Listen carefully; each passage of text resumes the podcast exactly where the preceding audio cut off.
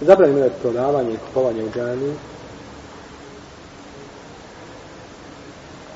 I zabranjeno je da se u džaniji recituju stihovi. A, zabranjeno da se u džaniji recituju stihovi. Došlo je u hadisu koga bilježi Ebu Davud i Tirmizi Nesa i Ibn i se sagrači sunena sa dobrim lancem prenosilaca da je poslanik sa osreme rekao zabranjena je prodaja ovina u džaniji i da se uči uči poezija. Da se uči ruz, ružna poezija. I bi došlo u vjerodostojnom hadisu da je poslanik sa osreme rekao a, Hasanu ibn Sabit, koliko se sjećam da je bio, da, da prouči stihove da ga obrani. Od onoga što su mušici govorili. Pa su to bili lijepi stihovi. Pa ovo kada skale zabranjene stihove, da se odnosi na ružne stihove, koji su pogledni, znači poslije.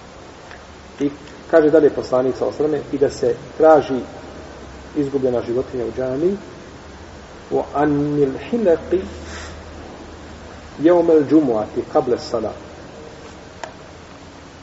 Ovdje elif lam, ha, lam, ka. Tako je došlo u riječi. Pa se može pročiti el halq,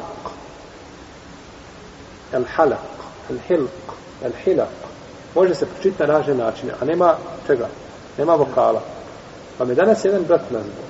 Kaže, čitam u jednoj knjizi i spominje jednog našeg doktora koji je napisao jednu knjigu koja je vrijedna knjiga, poučna, a ja mi neću spominjati koja je, jer nama je cilj da popravimo svatanje, a nikako da sramotimo ljude, jel? Prevodi ovaj hadis i zabranio je poslanik sa osvrame prodaju i kupovinu u džani i da se uči jeli, poezija i da se traži ljubavna životinja i da se čovjek brije prije džume. Halaka u arapskom znači obrije. Halaka li jetehu znači obrijao je svoju bradu. I da se briješ petkom prije džume. U redu. Ko misle na brijanje brade, to je zabranjeno uvijek. Brijanje brade mi dozvoljeno nikako. I prije džume i poslije. To je zabranjeno. A ako misle na prijanje kose, brijanje kose dozvoljeno i prije džume i poslije džume. Kako hoćeš. Pa je po, prevod pogrešan. Ovdje se misli na hilak, hilak, misli se na halke, da ljudi sjede u džanjama i uče Kur'an. Ete haluk, to su potumačili tako i do Kudame, i do Mufleh, i imam El Menavi, i drugi, svi su to potumačili tako naš niko. Nije to niko tumačio od poznatih islamskih učenjaka. Iako spominje imam El Menavi u svome dijelu Fejdul Kadir, kaže, došao mi je čovjek i rekao, kaže, 20 godina se nisam obrijao, kaže, prije džume, nisam glavu obrijao 20 godina prije džume, nakon kaže što sam čuo ovaj hadis. Pa je pogrešno šta? Pogrešno razumio, pogrešno shvatio hadis. Hadis se nanosi na bijanje glave, nego se odnosi na spravljanje halki, zato što je to prije džume petkom, ljudi su u halkama, uče, dižu glasove i ometaju šta? Drugi, a to je zabranjeno. Ja sam, hadis ja sam kod A nije nikako brijanje, jer je poznato da brijanje glave nije zabranjeno. Da brijanje glave nije zabranjeno. Kako će se onda riječ pročitati? El hila. To je a, a, od ettehalluk. To je znači zabljanje halki. Zabljanje